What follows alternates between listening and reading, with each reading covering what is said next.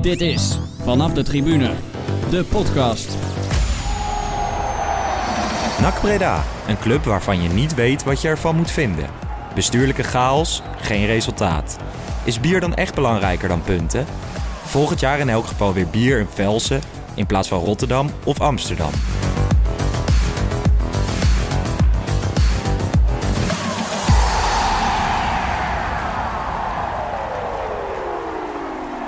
Hey Jeroen, Helaas. daar zitten we weer. Yes, Aflevering 5 alweer van Vanaf de Tribune, de Ja. podcast. zeker. Een eh, bewogen week. Wederom. En ehm, volgens mij zit er een vloek op onze podcast. Ja, dat eh, vermoeden heb ik ook wel een beetje. Ehm, om daar even op terug te grijpen, denk ik, eh, alles, of, of iedereen die we uitnodigen, daar gebeurt iets mee. Ja, dan gaat het eigenlijk mis. Ja, Willem II wint de beker niet. Nee, Ajax vliegt uit de Champions League. Ja, PSV geen kampioen. nee. Alleen in Emmen zijn ze immuun. Ik denk dat ze daar nog wel blij met ons zijn. NEC uit de play-offs vorige week. Ook nog. Nadat ze bij ons op bezoek kwamen. Terwijl ze er zoveel vertrouwen in hadden. Precies, dus we dachten deze week... eh, we nodigen maar iemand uit waar het toch niet slechter kan. Waar het al allemaal gedaan is. Hm. Dus eh, we hebben Sjoerd Moussou hier zitten. NAC-supporter. Ehm, journalist, columnist. Maar bovenal NAC-supporter. Kan ik dat zeggen, Sjoerd?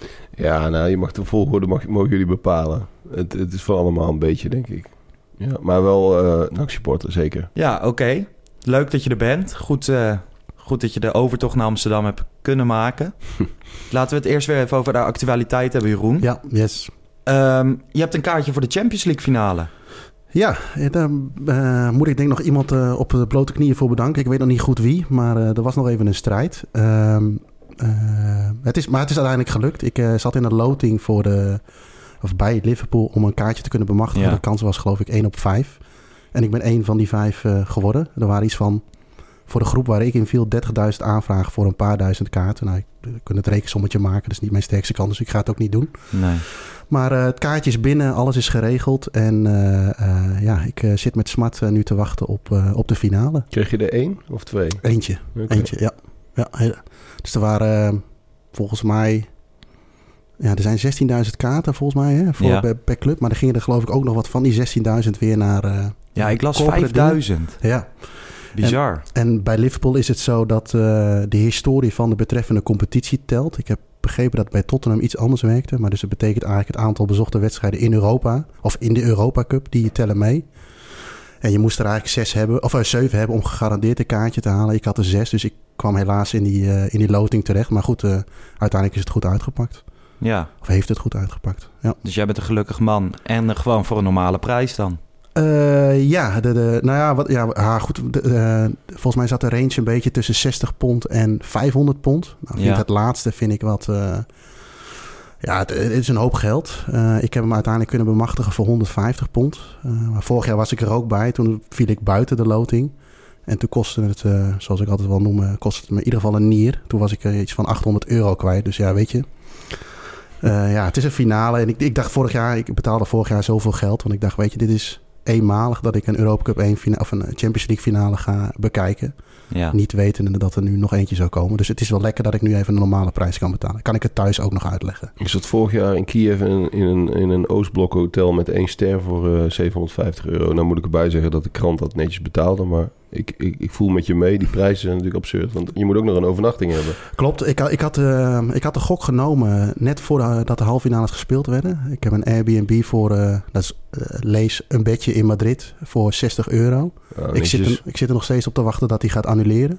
Dat is me vorig jaar drie keer gebeurd. En toen eh, belandde ik inderdaad in een, eh, in, een, in een huis bij een Oekraïense familie voor 175 euro. Met een bed waar je jeuk van kreeg. En een badkamer waar je niet durfde te douchen omdat je anders geëlectrocuteerd zou worden. Mooi. Maar goed, we zitten hier dus we hebben het overleefd. Goed zo. ja, hopelijk dit jaar weer. en naar het Wanda Metropolitano. Ja. Sjoerd, jij bent daar ook geweest eh, dit jaar. De iconische foto is daar genomen, toch? Met eh, Sergio Ramos.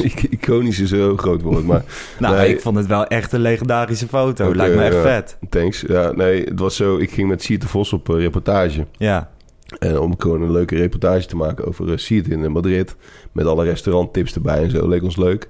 En ehm, ja, door, door Edwin Winkels, een collega, die, die zou ook naar die wedstrijd gaan. Die had dat eerder al eh, geboekt. En dan krijg je als medium krijg je één normale perskaart.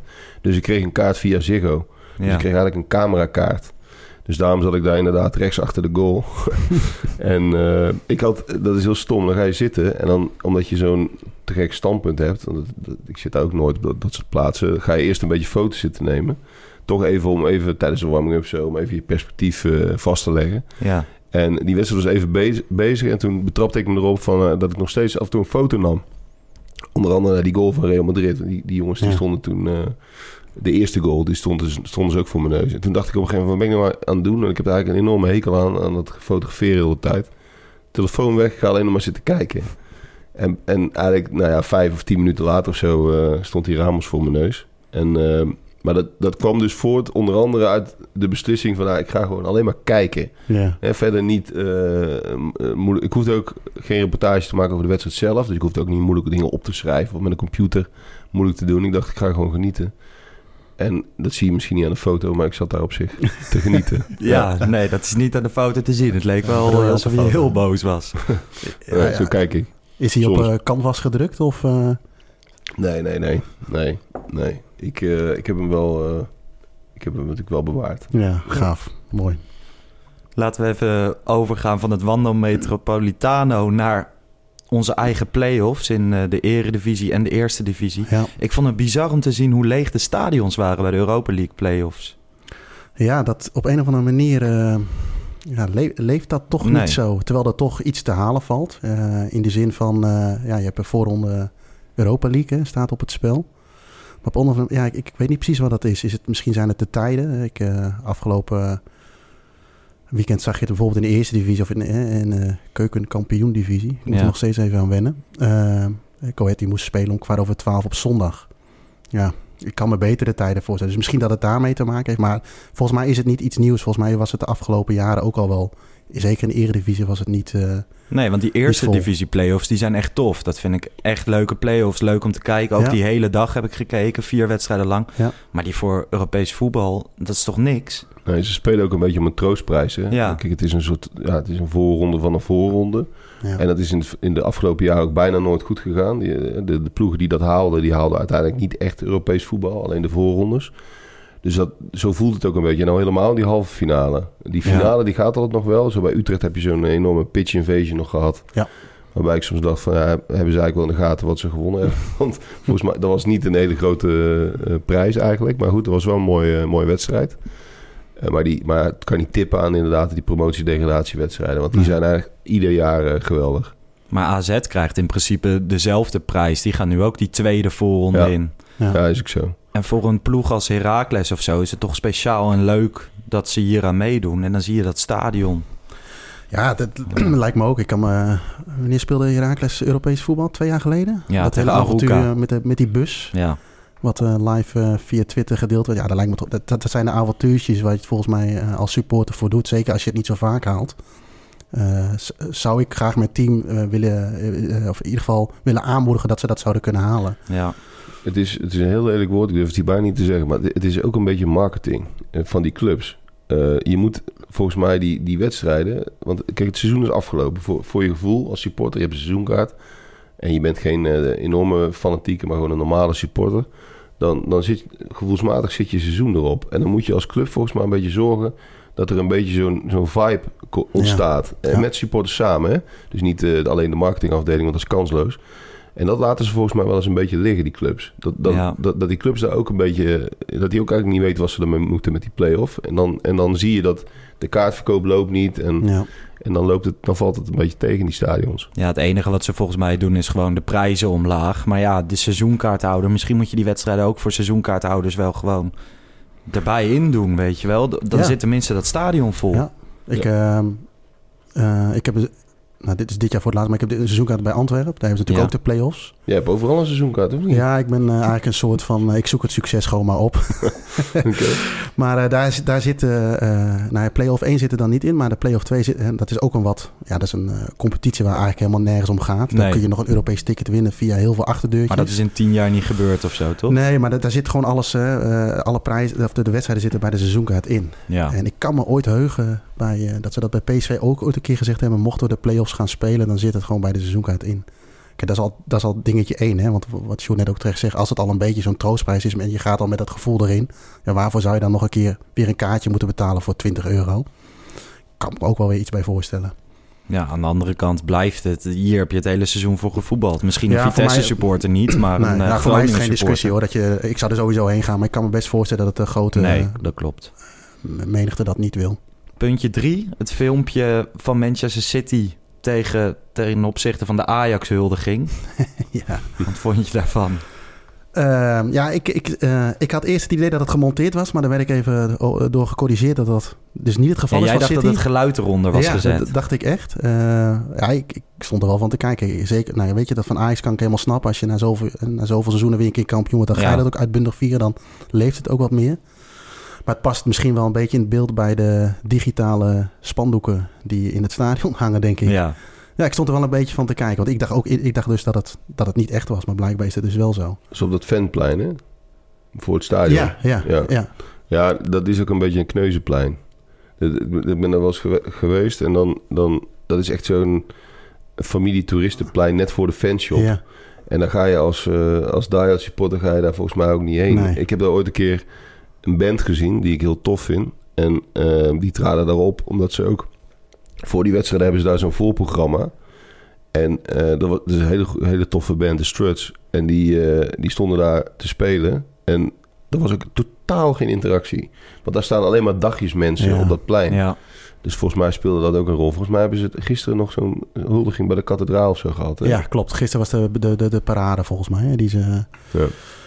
Ja, dus het is eigenlijk ook een beetje een momentopname die heel goed Ja, gemonteerd wordt. Met het, eh, maar het past wel een beetje in het beeld, denk ik, wat, eh, wat we allemaal een beetje over City hebben, denk ik. Eh, dus Ja, daarom vond ik het ook wel grappig. ja. En waarschijnlijk als Ajax drie jaar of vier jaar achter elkaar kampioen wordt... dan heb je ook een mindere huldiging dan dit jaar. En Ja. zeker als die huldiging ook nog op P3 is in plaats van het Museumplein. Want dat, als dit zo'n kneuzenplein is, nou ja, eh, ja. P3 noem ik dan vanaf nu ook het kneuzenplein. dat was ook altijd verschrikkelijk. Ja, Maar goed, ik vond het wel leuk om even te benoemen. natuurlijk. Ja. Zeker. Ehm, Santos, je zit hier in een eh, Santos-shirt. Dat is toeval. En eh, ja, dat zal ongetwijfeld. Maar ik had het eh, al wel even opgenomen in ons draaiboek. Ja. Ehm, wat doe je daar precies mee? En waarom, waarom zijn jullie dat ooit begonnen? Ja, we wilden gewoon eigenlijk gewoon een, een heel mooi blad maken. Dat was eigenlijk de enige gedachte erachter. Eh, Bart Vlietstra, collega eh, en ik. En we hebben er hadden we met meerdere mensen al, eens over zitten fantaseren. Menno Pot onder andere. Ehm, van hoe zou dat er dan uit moeten komen te zien. En, wat is een beetje, hoe zouden we dat dan willen. En ehm, daarbij hadden we wat buitenlandse bladen, een beetje als voorbeeld. Maar ook Svanjeur, het wielerblad. Het Nederlandse wielerblad, wat echt fantastisch is vormgegeven. Prachtige fotografie. En dat wilden we eigenlijk. En we wilden een blad maken ja, met onderwerpen die we gewoon zelf tof vonden. Maar dan wel, eh, ja, dat klinkt een beetje pretentieus, maar kwalitatief eh, zo goed als mogelijk gemaakt. Dus zowel inhoudelijk eh, proberen de beste schrijvers te krijgen voor ieder onderwerp, maar ook de beste fotografen. En een hele goede, mooie opmaak. Dus eigenlijk gewoon het blad dat je het liefst wil maken. Dat, dat hebben we geprobeerd te maken. En dat, dat lukt nu al een jaar of drie. En het is een hele volle markt. Hè? Dat is met alles zo. Dat is met podcasts precies Ja. hetzelfde. Absoluut. Eh, dus er is heel veel. En er zijn ook heel veel eh, leuke dingen. En, eh, en er is heel uitgebreid aanbod. Dus wij, zijn, wij vinden het vooral leuk dat het... we hebben wel heel veel... We hebben echt wel veel ambities.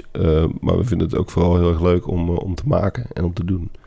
En zolang we dat... Kijk, in het begin is het heel erg zoeken van hoe organiseer je dat. Ik heb, ik heb er eigenlijk... Ik werk bij het AD. Hè, dat, dat, vooropgesteld. Dus het is ook een, een beetje een professionele hobby, om het zo maar te Ja. noemen.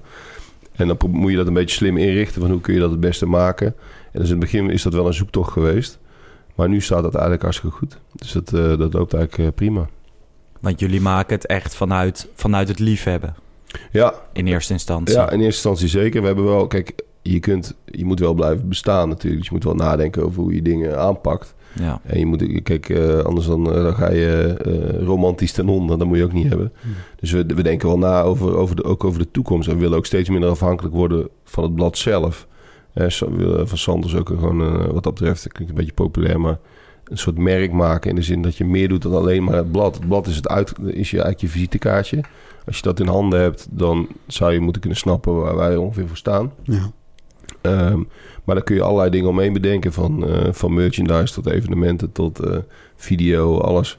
Al dat soort zaken. En ehm, ja, daar, daar, zijn we ook al stilaan eh, aardig mee op weg. En dat willen we een beetje gaan uitbouwen de komende jaren. Kijk, een beetje zoals in Engeland heb je Mondial. Ja. Daar zijn we laatst ook geweest in Londen. En ehm, ja, die hebben dat ook een beetje op die manier gedaan. Die zijn ook begonnen met een blad. En die hebben dat eigenlijk uitgebouwd tot een merk... eh, op, dat op verschillende eh, podia zichtbaar is. Ja, fantastisch blad trouwens. Ja, en die, eh, Ja. maar die, maken de, die, die hebben dat dusdanig gedaan... Dat, dat ze eigenlijk nog maar voor 25% afhankelijk zijn... van de verkoop van het blad zelf. Zodat ze het blad helemaal autonoom kunnen maken. Hm. Kunnen ze gewoon helemaal doen wat ze willen. En dat doen wij ook hoor, voor het grootste gedeelte. Maar je denkt natuurlijk ook wel na van... Hey, eh, wat is de beste koers voor het blad? En we hebben laatst een voetbalreisgids gemaakt... wat eh, echt heel erg leuk was om te doen. En dat, was dan, dat is dan weer net een, een ander soort invulling van het blad. Hebben we meer als een boek gemaakt. En zo proberen we ook, ook, ook creatief naar, te kijken naar het blad. Van eh, niet iedere keer hetzelfde doen. Ook een beetje proberen af en toe te verrassen. Of gewoon hele rare of aparte dingen te doen. Ja, die heb ik op mijn eh dressoir liggen, die voetbalreisgids. Of tenminste, nu is die in de boekenkast verdwenen. Maar dat is wel een beetje Santos. Als er dan iemand bij je thuis over de vloer komt, een vriend of zo... en die, eh, die loopt even door je kamer heen en die Ja. pakt dan dat boek... die bladert daar een beetje doorheen, dat het er echt goed en mooi uitziet. En dat die dan ook zegt van, oh tof. Ja, nou, dat is een beetje. Kijk, het, het moeilijkste is nog wel om een soort van naamsbekendheid te krijgen. Ja, Met zo'n met zo'n blad. Dat geldt voor andere, dat, dat geldt voor andere media precies zo. Kijk, eh, als mensen het eenmaal in handen hebben, dan vinden ze het eh, heel tof en eh, heel mooi. En, maar je moet zorgen dat het bij iedereen in handen komt. En Ja. dat is nog best wel moeilijk, want daar heb je gewoon geld voor nodig. En dat is, dat is er niet altijd. nee. Dus dat, dat moet stap voor stap. En dan zie je inderdaad bij die voetbalreisgids, dat was wel echt een succesnummer. Omdat het gewoon, omdat het er ook nog niet was. Dat, Ja. eh, dat, en het is een heel handzaam ding. Eh, En, en er zitten grappige tips in, weet je restaurants, cafés, winkeltjes van oudspelers. Echt wel aparte dingen, niet, niet de standaard dingen. En dat, eh, dat bleek wel, wel aan te slaan. Dus dat is wel grappig dat het, dat het, dan, eh, dat het dan groeit. Ja. ja. Het is ook wel iets wat leeft, hè? Dat je wedstrijden in het, bui- in het buitenland gaat, gaat bezoeken. Ja. En je ziet toch ook nog wel dat veel mensen daar wel graag wat handvatten, is het hè? Handvatten voor wil hebben of zoekt. En dat was dit een ideale editie van natuurlijk. Ja.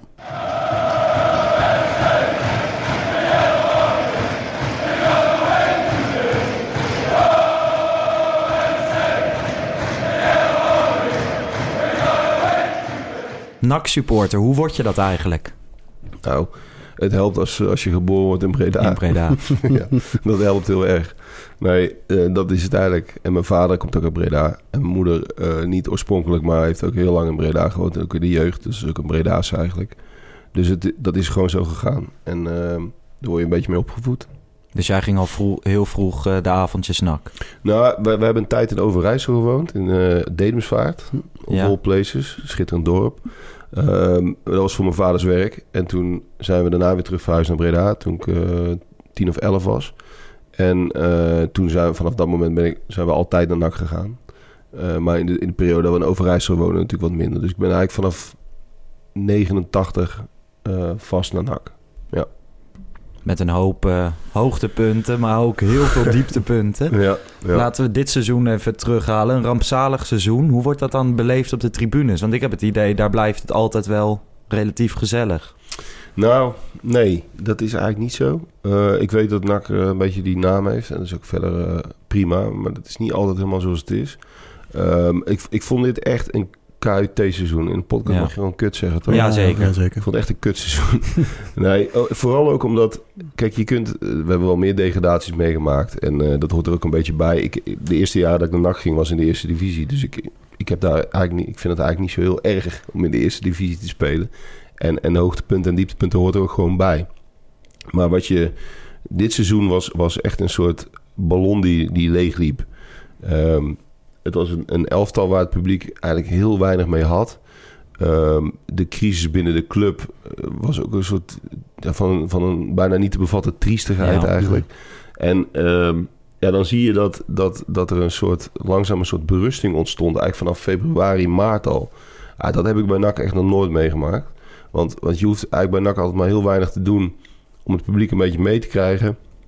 Om er een beetje affiniteit mee te hebben. Dat, dat, dat, daar is heel weinig voor nodig. En dat gebeurde dit seizoen en dat heb ik eigenlijk nog nooit zo gezien. Dus dat is wel... eh, dat maakte het wel tot een, tot een triest jaar. Kijk, in 2015 degradeerden ze ook tegen Roda in de play-offs. En eh, toen speelden ze zeg maar zeven jaar daarvoor speelden ze, werden ze nog derde. Ja. Dus, dus toen, ehm, dat was een andere context. En eh, dat was ook echt een dramatische degradatie. De- Die play-off is bijna per definitie dramatisch. Maar die wedstrijd was dat ook. Want eigenlijk verdienden ze toen op basis van het tweede seizoen zelf wel enigszins om erin te blijven. Iedereen geloofde daar ook echt in. Het publiek ging er helemaal achter staan. En eh, eigenlijk was de sfeer toen echt top. En eh, toen vlogen ze er toch uit. En dat was, dat was echt eh, wel een soort drama. En nu, nu heb ik echt zoiets van... ja, dit is, is de meest terechte degradatie die, ik- die ik ooit, Ooit, heb gezien. ja. Dus dan, dan ga ik er ook niet... Ja, dan, vind ik, dan moet je dat ook als een man nemen. En dan moet je er verder niet over zeiken. Maar het gevolg was wel... dat je dus in, de stadion dat, dat- in het stadion dat ook een beetje proefde. Er was een soort... ja, een gek soort berusting. Zo van, eh, ja, we, hebben, we hebben hier niks mee. Het is, eh, het is kapot. Eh, volgend jaar maar weer opnieuw. Ja. Ja, en ook de hele tijd eh, heel veel sarcasme was er, hè? Ja, Juichen bij reddingen van, van eh, de keeper, van Van Leer. Ja, en dat, daar had ik een beetje een dubbel gevoel bij. Kijk, ik had ook helemaal niks met het elftal, hè, dat dat eh, gezegd zijn. Echt een, een, een dramatisch samengestelde selectie. Eh, ook spelers die, die mentaal totaal niet eh, weerbaar waren. Ook, ook gewoon kwaliteit misten, daar begint het allemaal mee. Maar ehm, tegelijkertijd op een gegeven moment dat sarcasme richting die spelers... Ja. Dat was ook wel een beetje dubbel. Want kijk, eh, die, die, het, het onderliggende probleem is eigenlijk veel groter. Het probleem van NAC is niet dat Benjamin van Leer een keer een bal door zijn handen laat glippen. Nee. Het probleem van NAC zit veel, eh, veel dieper. En eh, er is iemand geweest, of er zijn mensen geweest, die hebben deze selectie samengesteld. En daarvan kon je in augustus, wij gingen, eh, dan spelen ze altijd in Sint-Willebroord, dat is bij Roosendaal in de buurt. En dan spelen ze daar oefenwedstrijden. En wij gingen ook kijken. En eh, ze hadden natuurlijk vorig jaar hadden ze die, die beste spelers waren ze allemaal kwijtgeraakt. Ja, de meeste van City. Ehm, en, die, en dat was in april, mei was al duidelijk van nou, die gaan weg. Manu Garcia, Angelino, eh, Pablo Marie, Ambrose en zo. En ehm, iedereen dacht van nou oké, dan, dan, ga- dan, dan heb je nu een goede periode van april tot eh, juli of zo... Om, Ja. om een nieuw fundament onder je elftal te leggen. En er was ook gewoon geld beschikbaar. Eh, de club was financieel gezond. Stadion had het vol. sponsorbox allemaal vol. Dus je kon gewoon met een redelijk spelersbudget werken. En iedereen dacht van nou, dan, dan bouwen ze van daaruit een nieuw elftal op. Dan blijf je er dit jaar in. Kon ook makkelijk. En dan, eh, dan, dan bouw je langzaam richting de middenmoot. En ehm, daar, is, daar zijn zulke ongelooflijke inschattingsfouten gemaakt. En dan stonden we dus in Sint-Willeboord te kijken naar dat elftal. En dachten van ja, dit kan het toch niet zijn. Dit kan toch niet waar zijn dat dit het is. Want ze hadden dus in de as van het elftal eigenlijk niks gehaald. Bijna Hm. niks. Hm. En eh, wel een paar backs. eh, een paar buitenspelers. Allemaal ehm, ja, eigenlijk relatief goedkope spelers. Terwijl ik dan echt dacht van nou, ze gaan sowieso eerst een, een keeper en een centrum halen. En een middenvelder. En als je daarin investeert en je haalt gewoon even in, in jargon eh, drie spelers van vier, die vier ton verdienen. Die gewoon eh, eredivisie gespeeld hebben, goede leeftijd hebben. Ja, dan degradeer je gewoon niet. Nee. Daar ben ik echt heilig van overtuigd. En dat is echt geen hogere wiskunde. Maar ze hadden allemaal eh, ja, bekjes en buitenspelers van, van twee ton. En die selectie die bestond op een gegeven moment uit 40 man of zo. Ja. maar maar Ja. er zat geen één goede speler bij. Maar hebben ze niet eh, ingezet van... oh ja, dan krijgen we op het eind Ja. van de transferperiode... nog wel vijf van die pareltjes van Manchester City? Ja. ja, dat En hebben ze Unal zeker of gedacht. zo'n Garcia. Daar, daar hebben ze zich eigenlijk een beetje afhankelijk van gemaakt. Ja, Ze dachten van, ah, er valt nog wel wat uit de boom. En dan, eh, dan komt het vanzelf goed. Maar, maar er, er kwam niks. Al- Althans, die Moeric die kwam, die ja. keeper. en die ging direct weer weg. Die, ging, die wedstrijd heb ik ook nog gezien. Dat was ook bizar. Die kwam uit een vliegtuig. die ging spelen. En binnen een kwartier was die eh, geblesseerd. Dat was echt eh, absurd. Maar die, die, eh, dus die ging ook weer terug. Maar ze hebben zich daarin gewoon veel te afhankelijk gemaakt. Ze hadden gewoon een, een soort romp van het elftal moeten samenstellen. Aangevuld met eventueel wat extra talent van City. En dan was je er gewoon geweest. Ja, Maar ze dachten, nou, de Graafschap, Emmen, Fortuna... we blijven er sowieso wel in. Dus we doen niet te gek. We halen wat voor de breedte. Ja. Misschien verdienen we daar later wel wat aan. Ja, dat is echt een cruciale inschattingsfout geweest. Ja.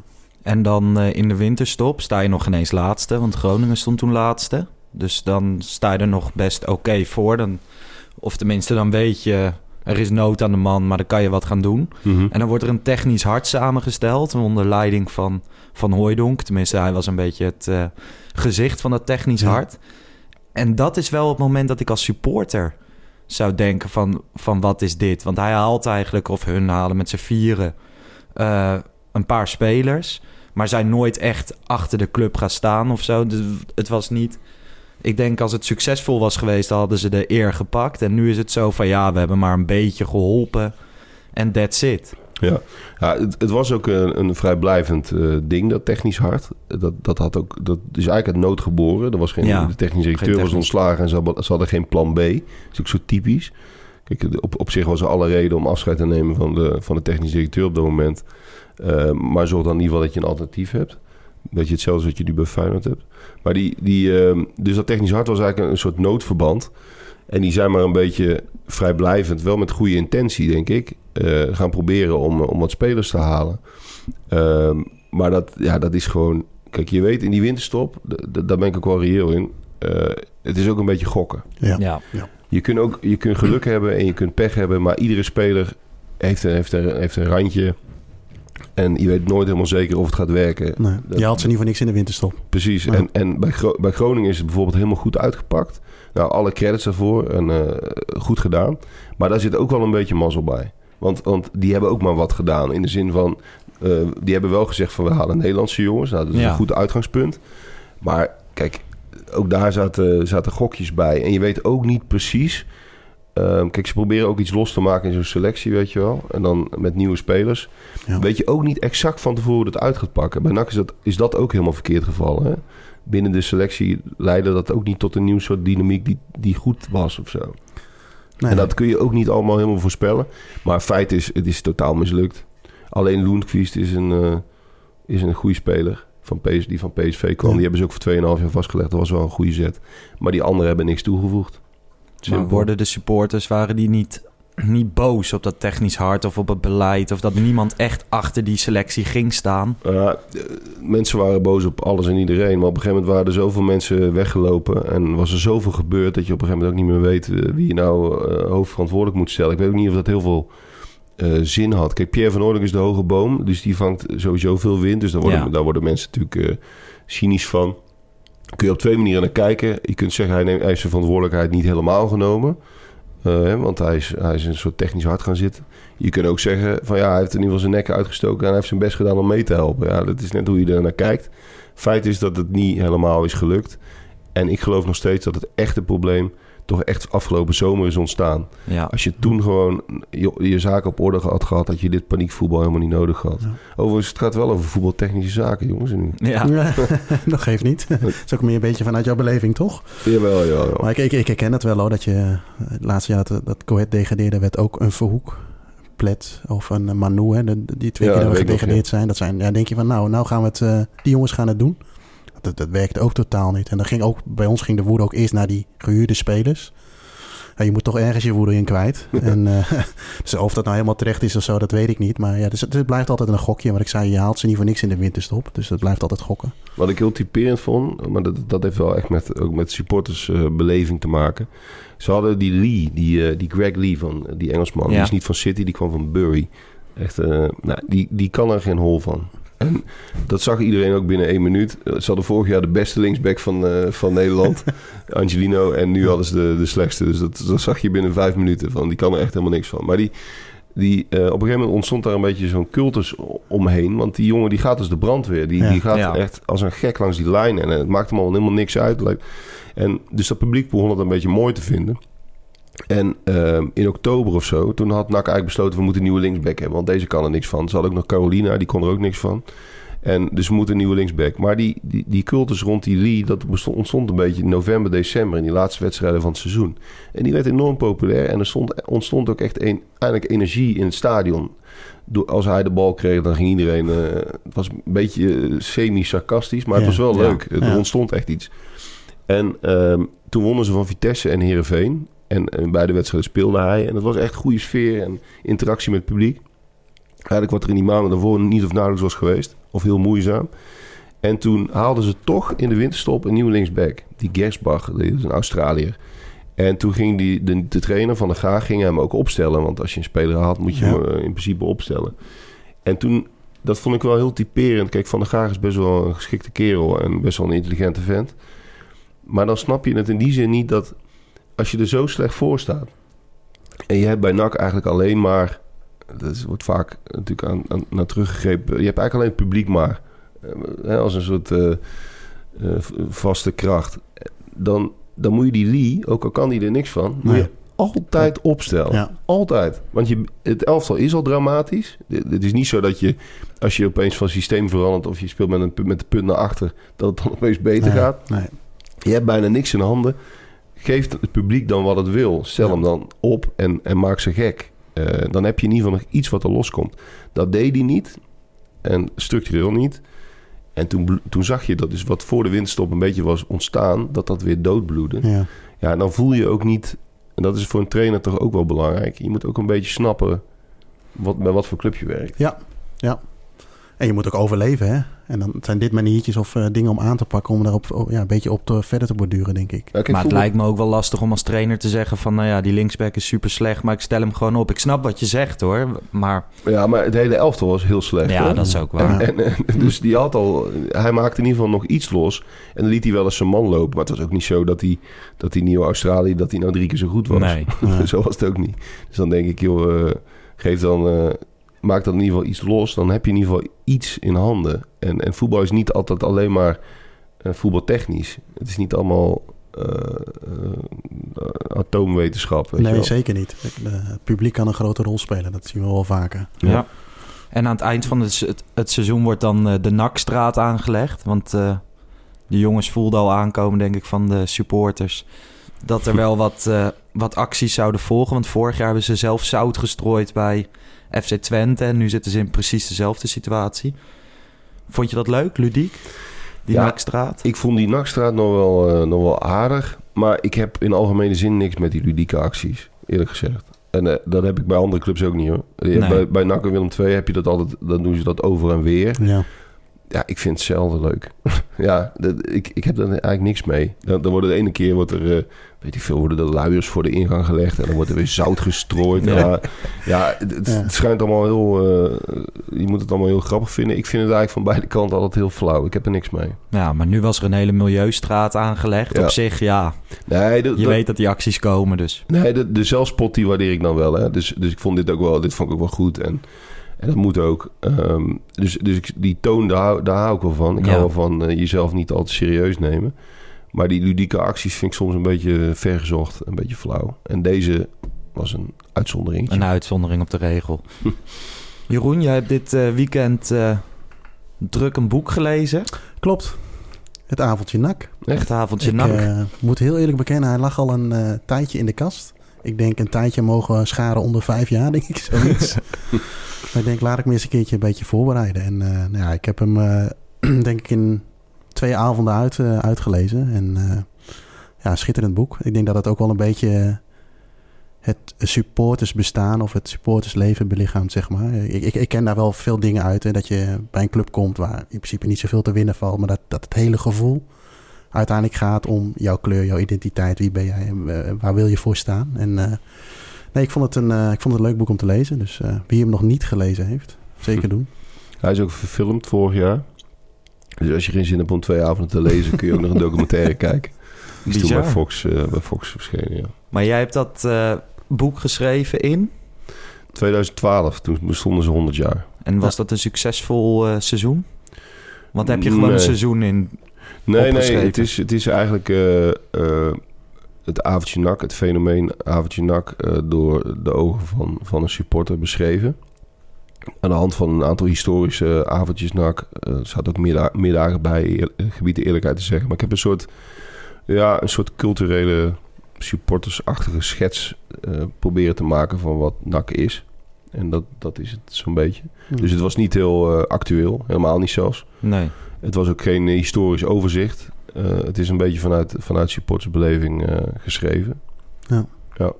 En ehm, ja, was leuk om te doen. Maar ik, ik wil nog even, want eh, daar wil ik eigenlijk mee beginnen.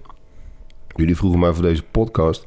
Ja. Toen, toen kwam ik, ehm, en ik, het is hartstikke leuk over voetbal lullen en over nak lullen. En zeker als het over, eh, niet, niet al te veel over voetbaltechnische dingen gaat. Maar ehm, nee, Gaston Taument, die, die, zei, ooit- die zei een keer iets moois. Eh, ik ga niet zeggen, ik ben een echte Feyenoorder. Als anderen dat zeggen, denk, denk ik... je weet niet half hoe groot Feyenoord is.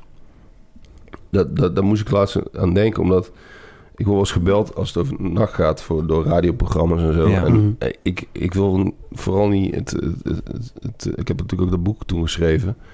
Het, eh, het geweten van NAC uithangen of zo. Het geweten van, van de supporters van NAC.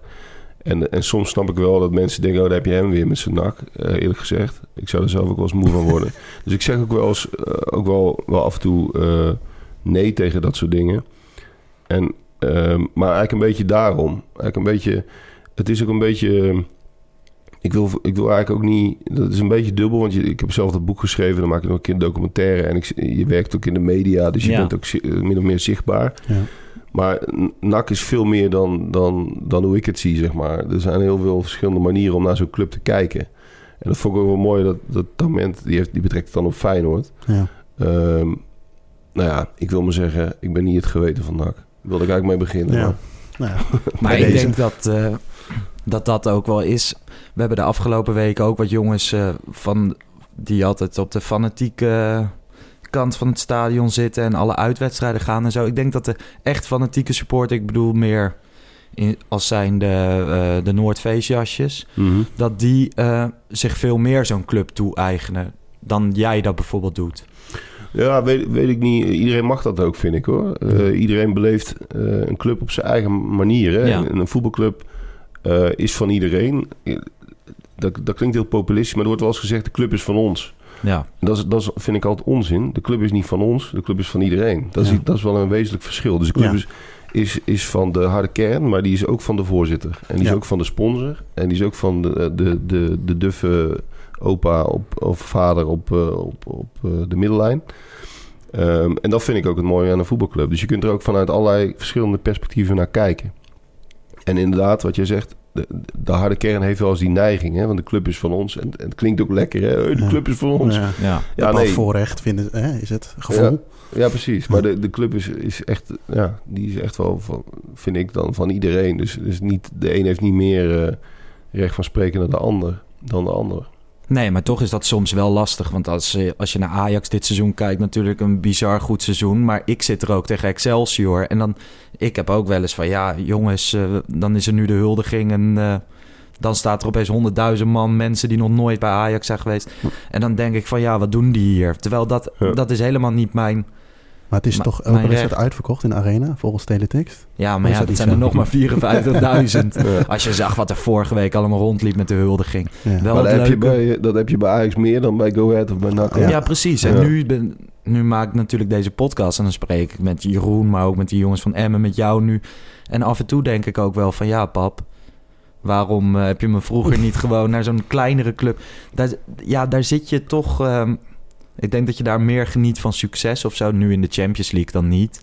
Maar eh, dat je dat op een hele andere manier beleeft. Dat het daar iets romantischer is dan, eh, dan bij Ja, ons. Nou ja, je, je hebt minder successen. En ehm, volgens mij heb ik het ook al eens eerder genoemd. We zijn in de afgelopen vijf jaar twee keer gepromoveerd. Ja, Ook weer twee keer eh, gedegradeerd. gedegradeerd. Maar die, ik moet heel eerlijk zeggen, die eerste keer na 17 jaar was, eh, ja, was fantastisch. Dat, eh, dat was nou, mooiste dag uit mijn leven. Is misschien een beetje overdreven, maar het staat zeker in de top 5. Die tweede keer werd dat al wat minder. Ook omdat het heel kort tijd eh, tussen zat. En eh, ja, weet je, dan, dan, dan ervaar je het. Dan drink je je biertje met je vrienden. En dan ga je volgend jaar het eredivisie seizoen- eh, weer in. Maar dat kwam denk ik omdat het zo kort op elkaar volgt. We zijn één jaar in de eerste divisie geweest. Meteen weer misschien verwacht. Misschien ook een beetje onverwacht weer gepromoveerd. En dan neem je het al een beetje aan. En dat is eigenlijk heel gek om te zeggen. Want we, ja, weet je, we hebben een keer, moet ik even goed nadenken, halve finale beker. Eh, tegen Ajax overigens. Maar eh, dat was het eigenlijk het enige succesje wat, eh, wat dicht bij een prijs kwam. Ja. Een keer een periodetitel. Nou ja, weet je, dan gaat een keer in de kantine het systeemplafond eruit. Maar that's it, daar moeten we het mee doen. Maar de twee, ik merkte aan, bij mij aan de tweede keer al van, ik denk, hm, ja leuk, volgend jaar eredivisie weer. Dat vond ik leuker dan, dan de promotie zelf. Dus Ja. dat, dat went snel hoor, succes. Herken, herken ik wel dit. De, ook inderdaad, als je bij een kleinere supporter bent van een kleinere club. Het is ook ehm, de weg naar succes. Die, die, die maakt je, die schept je band met een, met een club. Ja. hè, de- omdat je samen meemaakt hoe, hoe, hoe lang die weg naar succes vaak ja, is. Ja, En daar, word je, daar, daar bouw je de meeste innige band mee op, volgens mij. En niet op het moment dat het succes er daadwerkelijk is. nee. Het gaat eigenlijk om de weg ernaartoe. En, en eh, ja, daarom, ik, ik moet ik zeggen, daarom kan ik me ook altijd net wat minder goed verplaatsen in supporters van topclubs. Ja, dat is gewoon, dat is echt iets wezenlijk anders, zeg maar. Dat, daar is succes een soort van zelfsprekendheid. En als dat dan, dan niet is, wordt dat vaak beleefd, niet alleen bij Ajax hoor, maar dat is bij PSV en Feyenoord precies hetzelfde. Als een soort, als een soort onrecht. Terwijl bij een kleine club is dat ja, bijna andersom. Ja, ja. Maar ik denk wel dat ik dat dit jaar juist wel heb mogen ervaren... door het succes in de Champions League. Want daar zijn, we, zijn wij natuurlijk het nak. Tuurlijk. Nee, dat snap ik ook En heel daar goed. kwam Ja. wel echt zo'n vonkje vrij. Ja. Maar goed, het eh, avondje nak. eh, zoals elke week heb jij eh, weer een verhaal geschreven, Jeroen. Yes. Uit jouw oude doos. eh. Het wordt wel dus een beetje ik ben benieuwd. Laten we er maar meteen duidelijk over zijn. Er is maar één echte b-side en die staat in Deventer. Symbool voor mijn opvoeding in de stadions. Als klein jongetje maakte ik aan de hand van mijn vader kennis met de Adelaarshorst. Niet veel later volgde samen met mijn buurjongen mijn eerste seizoenkaart. Achter de goal, maar nog niet voor de b-side, want daar waren we nog veel te jong voor. Eén keer in de twee weken trokken we gezamenlijk op de fiets vanuit ons dorp richting de Brinkgrevenweg. Dumpten onze fiets bij het inmiddels verdwenen ziekenhuis om daarna slechts één straat over te moeten steken om bij de ingang van het stadion te komen. Veelal werden de wedstrijden in de avond gespeeld en zagen we de lichtmasten al in volle glorie schijnen. Programma met lot, 1 gulden 50, klonk het altijd bij de ingang. De loterij in de rust bracht ons helaas nooit dat te winnen en gewilde vleespakket. Bij de poort werd er nog netjes een gaatje in de seizoenkaart geprikt en na binnenkomst kwam, kwamen er altijd twee soorten geuren op je af. Eén van de frituurtent van 5 meter verderop en eentje van urine van de pisbakken achter diezelfde frituurtent. Na een aantal stappen omhoog stond je ineens in het vak met, het, met zicht op het groene matje. De hoofdtribune met daarbovenop het prachtige hokje voor de verslaggevers en weer die waanzinnige lichtmasten. Snel het spandoek ophangen aan de hekken en met grote ogen kijken naar het vak naast ons, waar de grote jongens op de B-side stonden. Niet veel later mochten we dan eindelijk plaatsnemen op de B-side en konden we ervaren wat, de wat we de jaren ervoor gezien hadden. Er bestond een bepaalde hiërarchie op het vak. Vooraan staan als nieuweling was geen optie. Netjes achteraan beginnen. Je stond alleen beneden als er gescoord werd, doordat iedereen als een gek richting de hekken ging en je automatisch opgetild werd. Gaandeweg de jaren klommen we langzaam omhoog in de hiërarchie en kwamen we steeds dichter bij het veld te staan. Stond je ineens een paar rijen van die honderdduizend klapper af en hingen wij nu als eerste in de hekken. In diezelfde jaren leerde je steeds meer mensen kennen met wie je ook bijvoorbeeld de uitwedstrijden ging bezoeken en met wie je nu nog steeds een biertje vooraf drinkt. Een aantal zijn zelfs hele goede vrienden geworden. Een bezoekje aan Coët werd waar het eigenlijk allemaal een beetje om draait op die ene dag in het weekend. Een biertje drinken, lullen en klagen over voetbal, maar vooral vriendschap. En af en toe een succesje vieren met z'n allen en vooral blijven koesteren. Tegenwoordig kijk ik weer naar de biersite. Als bijna veertigers zittend aan de andere kant van het stadion is de stok overgedragen aan de nieuwe generatie. De biersite. De bakermat van mijn supportersbestaan. Er is maar één echte B-side, jongens. nee hoor. Je hebt het gehoord. Nee, maar eh, vaak als je... We hebben nu vijf afleveringen gedaan. En volgens mij heb je vier keer je verhaal over Go Ahead Eagles gedaan. Ja, daar, daar is het bij mij toch echt mee, eh, eh, ja, voetbal mee begonnen. Eh, ik heb volgens mij eens eerder aangemerkt van... eh, ja, ik kom uit de Philips-familie, dus er is- het Ja. eh, gaat zeker wat PSV-bloed door mijn lichaam. Alleen bij mij is het zo gekomen, eh, weet je, je bent eh 8, 9 jaar, je voetbalt. En ik, dat zal ik nooit vergeten, mijn voetbaltrainer zei ooit van... eh, weet je wat jullie eens moeten doen? Jullie moeten op in het weekend eens een keer naar, eh, naar Go gaan... en eens even kijken hoe die jongens de warming-up doen. Nou, weet je, en mijn vader hield, of houdt ook van voetbal en die nam me een keer mee. En dan sta je daar... eh, dat zou ik nu niet meer aan moeten denken. Maar twee uur voor de wedstrijd eh, sta je al in het stadion en dan gaandeweg kijk je daar. En zo is dat eigenlijk een beetje gegroeid. Een beetje het eh, support your local eh, idee. En sinds die ene wedstrijd eigenlijk nooit meer weggegaan. Nee. Dus vandaar dat daar ook de meeste verhalen... En nou ja, wat ik zeg, voetbal is meer dan die twee keer 45 minuten. Het draait ook een beetje om vriendschap. Een stukje loyaliteit richting de club misschien wel. En ja, die ene één keer in de week dat je even mag schelden, vloeken, alles doen wat thuis even verboden is. Dat doe je, dat doe je in dat ene, ene dagje in de week, zeg maar. En die uitlaatklep bij Go Ahead Eagles is gewoon groter dan bij bijvoorbeeld PSV. Eh, ja, kijk, weet je eh, wat Sjoerd net ook al zei? Bij, bij PSV ga je er eigenlijk al vanuit. Kijk, jij noemde net bijvoorbeeld eh Ajax Excelsior. Nou, dat is voor mij, PSV Excelsior is ook alweer gewoon een biertje drinken geworden. En je gaat ervan uit dat je gaat winnen. Ja. En dat het pas ergens in april, mei beslist gaat worden, omdat je dan op de prijzen speelt. En eh, bij Ahead eh, ja, ga je vanaf dag 1 is het eigenlijk al overleven. Of speeldag 1. Hè? Eh 17 jaar eerste divisie. Wij hebben echt momenten gehad dat we onszelf vanaf de kroeg in de Brink, zeg maar, dat grote plein in Deventer, om kwart over acht nog dachten, shit, die wedstrijd is al begonnen. We moeten onszelf uit die kroeg hijsen. Want ja, dan speelde je weer tegen Telstar of dan ging je weer naar Haarlem toe. Hè. Maar uiteindelijk, zoals we er nu op terugkijken, ja, daar komen die verhaaltjes ook uit voor. Ja. Ik had ze niet willen missen. Dus dan leer je ook wel, hè, je, je successen leer je ook wel, eh, leer je dan ook wel koesteren. Want dat zijn, die zijn het mooist. Dus ik, ik snap op zich die jongens van Feyenoord dan ook wel, zeg maar. Als je na zoveel jaar kampioen wordt, dat je het zo uitbundig viert. Ik heb het vorige week bij eh, Liverpool Wolves nog meegemaakt. Toen City op 1-0 achterkwam. Nou, wat op die tribune gebeurde, dat was echt zo bizar. Maar de hunkering naar succes is, eh, is zo groot als je heel lang niet wint. Maar dat zijn eigenlijk wel de mooiste, denk ik. ja, volgend jaar weer succes in Breda. Hopelijk. Nou ja, daar, eh, daar gaan we maar op hopen. Maar er, is weinig, er zijn nog weinig aanknopingspunten. Er zijn nog weinig nieuwe spelers. Eh, het is nog heel erg onduidelijk wat de club wil, wat de, wat de directie wil. Dus dat is allemaal heel erg afwachten. Ja. Maar ik, ik, heb geen, ik zie niet op tegen volgend jaar. Eh, in de zin van, ik vind die, die eerste divisie eigenlijk ook wel hartstikke leuk. En we gaan, Vrijdagavond. ja, en vooral ook uitwedstrijden zijn vaak leuker. En ik bedoel, ik ging vroeger veel vaker naar uitwedstrijden. En tegenwoordig kan het ook niet altijd meer. Maar we, in de eerste divisie eh, met vrienden, dat, dat hebben we de laatste jaren ook vaak gedaan. En dat is inderdaad, dat is echt wel leuker dan vaak dan in de eredivisie. Want je kunt op eigen vervoer gaan. Ik ga niet meer met zo'n bus, zo'n georganiseerde bus. Dat ben Nee. ik te oud voor. maar, de, eh, maar Volendam uit, ja, dat is gewoon geweldig. Ja. En eh, VVV uit, die spelen nu dan eredivisie. Maar dat, Ja. dat is ook altijd een leuke. Dus we pikken dan altijd de leukste uitwedstrijden eruit. Die heb je eigenlijk in de eerste divisie meer dan in de eredivisie. Ja, zeker nu. Hè? Want er zijn best wel wat eh, clubs die eh eerst eredivisie waardig vindt qua naam. Ja. Maar dit jaar was eigenlijk gewoon een groot slagveld. Daar waar, waar Twente dan bovenuit stak. Maar de eh, NEC, Roda, en noem ze maar op. eh, dat is wel genieten. Ja, dus en daarom zou het ook, ook door de aanwezigheid van die club zal het ook niet vanzelfsprekend zijn dat NAC even eerste wordt. Nee, absoluut niet. Maar ehm, volgens de supporters, hoe moet het nu verder met, de, met NAC? Stoppen met die huurlingen, meer jongens van eigen bodem en zo? Ja, eh, kijk, die discussie wordt natuurlijk veel, eh, inderdaad veel gevoerd. Ehm, kijk, ik, ik vind die, die samenwerking op zich niet zo, niet zo erg. eh, Nee. Zolang je er maar niet afhankelijk van maakt. Ja. En dat, dat is wel gebeurd. En dat vind ik wel heel erg triest en pijnlijk. Kijk, als het een extraatje is, is het best. Die Manu Garcia heb ik enorm van genoten. Angelino heb ik van, geno- van genoten. Zo is het ook.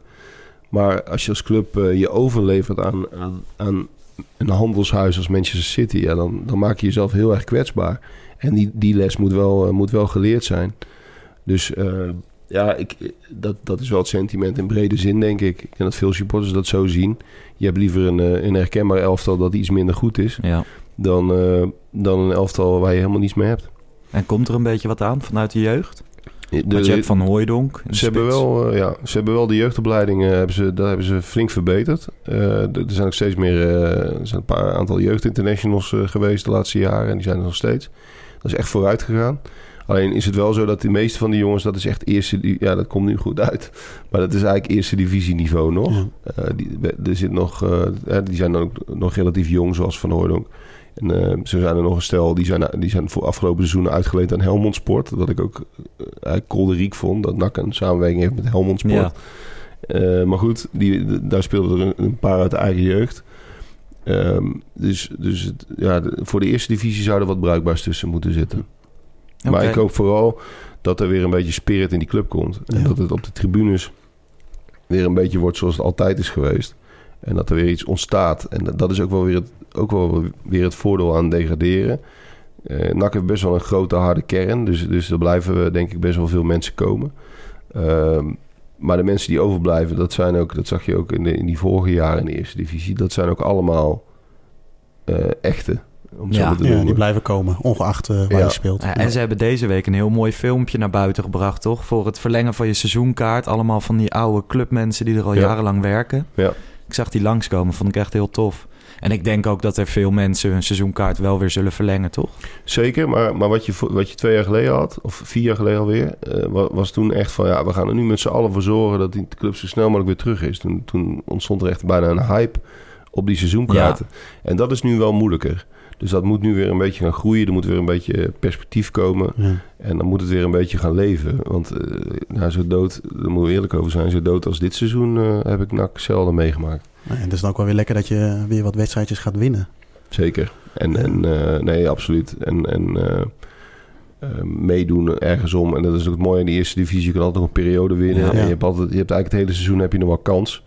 Dus dat is, eh, dat is alleen maar prima. Dus ik, ik, zie daar, eh, ik zie daar op zich niet zo tegenop. Ik vind het alleen wel triest dat een club met zoveel potentie eh, zo wordt verkwanseld. Dat, kijk, ik zit er, ik zit, ik kijk de dubbel naar. Als supporter denk van nou, volgend jaar Volendam uitgezellig. Ga ik met mijn vriend, vrienden naar de dijk. Ja, als ik er een beetje, ja, toch semi-professioneel naar kijk, dan denk ik, hoe is het mogelijk dat een club met zo'n potentie, maar niet alleen eh, zeg maar qua, puur qua publiek of qua toeschouwersaantallen, maar ook qua eh, ja, zeg maar, eh, identiteit. Daar, daar, zit zoveel, daar, daar zitten zoveel kansen in eigenlijk. Dat, dat, kijk, je hebt een aantal clubs in Nederland, Go Ahead, de rekening er ook toe, maar ook de Graafschap bijvoorbeeld. Die hebben gewoon een heel duidelijk profiel. ja een bepaald imago inderdaad, profiel. Ja, Ja, ja. En, en dat heeft NAC ook. En het, het, ik vind het ongelooflijk dat ze dat nooit echt goed hebben kunnen verzilveren in, als je het vertaalt naar het veld. En dat heeft echt allemaal met beleid te maken en met, eh, met sterk leiderschap. Daar gaan we hier allemaal niet op in. Maar dat, dat, dat vind ik wel heel triest. Want Ja. het, het is een. eh, die club is zo diep geworteld in die regio. Dat, dat, dat valt gewoon. En het is ook geen hogere wiskunde, een voetbalclub. Nee. Er zit heel veel emotie omheen. Maar je kunt daar gewoon echt wel iets stabiels van maken. Alleen eh, dat eh, blijkt tot op heden zelden gelukt. En Ja. misschien heel stiekem ook wel een beetje de charme. Ja, nee, dat, dat is ook zo. Kijk, de betrokkenheid geeft ook charme. En het feit dat iedereen er een mening over heeft, geeft charme. En, het momen- en, en het feit dat iedereen het beter weet. Dat, en, en de ups en downs, ja, wat, waar we het net ook over hadden, weet je wel. Dat, dat geeft ook... eh, dat bouwt ook je gevoel bij... een- met een club bouwt dat op, als het ware. En, en zonder die tegenslagen wa- was die band nooit zo sterk geweest. Dus dat is inderdaad wel... eh, dat, dat, dat is ook de charme. Ja. Dat is zeker zo. Sjoerd, bedankt dat je hier langs wilde komen. Graag gedaan. Leuk om je eens gesproken te hebben. Zeker. Ja, we zijn er wel toch, Jeroen? Ja, dacht ik. Mocht je vragen aan ons hebben, opbouwende feedback of wil je gewoon wat kwijt, stuur een tweet naar @larsjesse94 of @jja1980 over mijn volgersaantal, Jeroen. Ja, ik ben heel erg benieuwd. eh, ja, er zit nog steeds een stijgende lijn in. Ik zit nu al op 44 volgens Kijk. mij. Maar ehm, ik doe ook nog op maandagavond of eh, maandagmiddag presenteer ik op de lokale radiozender eh, voor mijn studie een eh, showtje. En gisteren belden we met ehm, Arco van de Pantelich podcast. En daarin kreeg ik een primeurtje. Dus ik dacht, ik knip dat uit. Dan ga ik op Twitter zetten en dan krijg ik weer wat volgertjes. Maar hij heeft me netjes gevraagd om dat even achterwege te laten. Omdat hij het in zijn eigen podcast wil promoten. Dus, eh, nou ja, dat primeurtje laten we maar gewoon bij Arco. Misschien is het wel leuk om even een doel te stellen van jouw volgers. Zonder dat je zelf accounts aan gaat maken natuurlijk. Ja, ik wil niet de nieuwe Dotan worden. Maar ik denk gewoon dat het wel gestaag zo een beetje gaat. We houden denk ik iedere week iedereen op de hoogte. Helemaal goed. Toch? Gaan we doen. En eh, luister vooral de Pantelich podcast voor het primeurtje. Die gaan, eh, er komt er weer een online op vrijdag. De laatste van het seizoen volgens mij. Luister ook naar podcasten met Petersen. Komt er deze week een met Urbi en Manuelson. En eh Lo Stadio, de Yes. ontknoping in de Serie A. Ja. FC Afkikken bedankt. En Jeroen, jij bedankt. Tot volgende week. Tot volgende week. Ciao.